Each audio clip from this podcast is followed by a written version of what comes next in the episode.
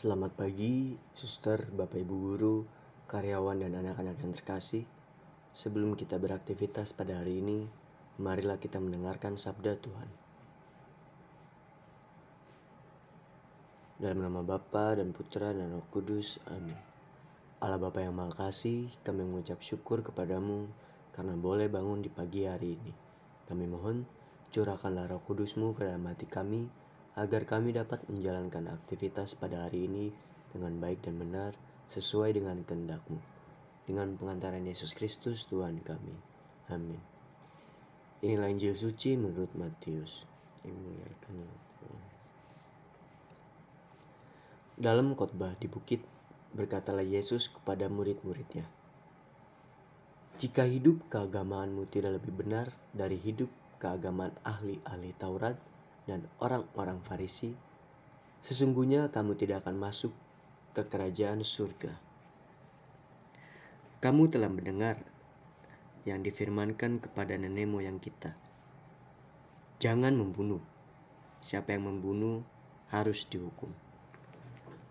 Tetapi aku berkata kepadamu, setiap orang yang marah terhadap saudaranya harus dihukum. Siapa yang berkata kepada saudaranya kafir harus dihadapkan ke mahkamah agama. Dan siapa yang berkata jahil harus diserahkan ke dalam neraka yang menyala-nyala. Sebab itu, jika engkau mempersembahkan persembahanmu di atas mesbah, dan engkau teringat akan sesuatu yang ada dalam hati saudaramu terhadap engkau, tinggalkanlah persembahan di depan mesbah itu, dan pergilah berdamai dahulu dengan saudaramu. Lalu kembali untuk mempersembahkan persembahanmu itu. Segeralah berdamai dengan lawanmu, selama engkau bersama-sama dengan dia di tengah jalan, supaya lawanmu itu jangan menyerahkan engkau kepada hakim, dan hakim itu menyerahkan engkau kepada pembantunya, dan engkau dilemparkan ke dalam penjara. Aku berkata kepadamu, Sesungguhnya engkau tidak akan keluar dari sana sebelum engkau membayar hutangmu sampai lunas. Demikianlah Injil Tuhan. Terpujilah Kristus. Selamat pagi, suster, bapak ibu guru, karyawan dan anak-anak yang terkasih.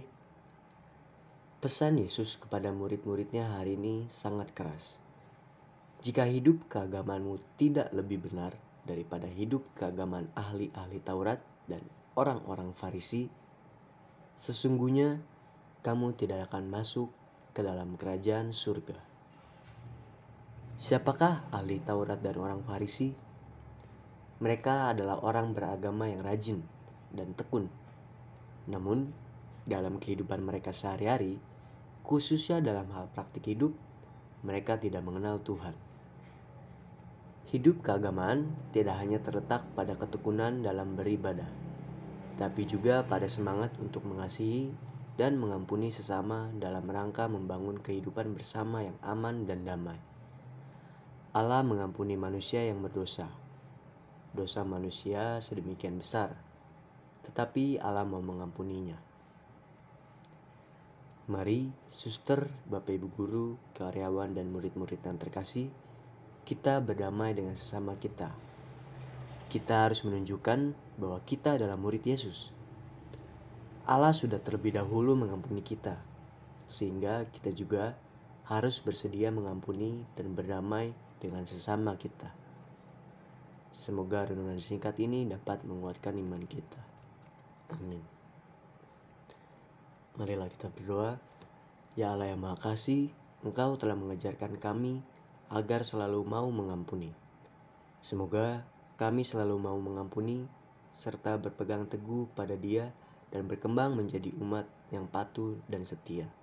Dengan mengantarkan Yesus Kristus Tuhan kami yang hidup dan berkuasa kini dan sepanjang masa. Amin. Dalam nama Bapa dan Putra dan Roh Kudus. Amin.